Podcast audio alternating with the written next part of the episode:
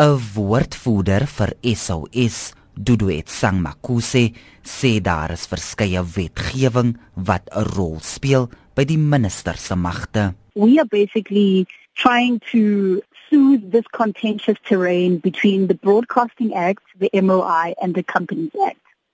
Now, because the SABC is a public company, the state is basically the sole shareholder and the minister is the shareholder representative and it represents the state and not the public which already is a problematic issue. Makuse sê die groot kwessie is die minister van kommunikasie se betrokkeheid by die aanstelling van top bestuursposisies by die SAIK.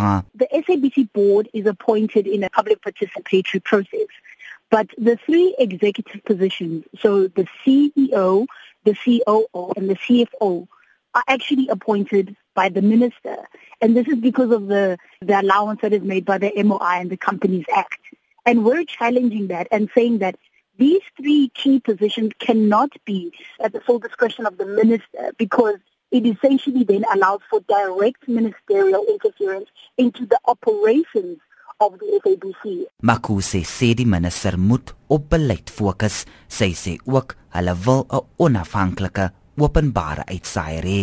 Because an independent SABC means that the board is not just a, a toothless puppet board. We want a public board so that it can be pluralistic, it can reflect the society that we live in, and it can help the SABC fulfill its public interest mandate.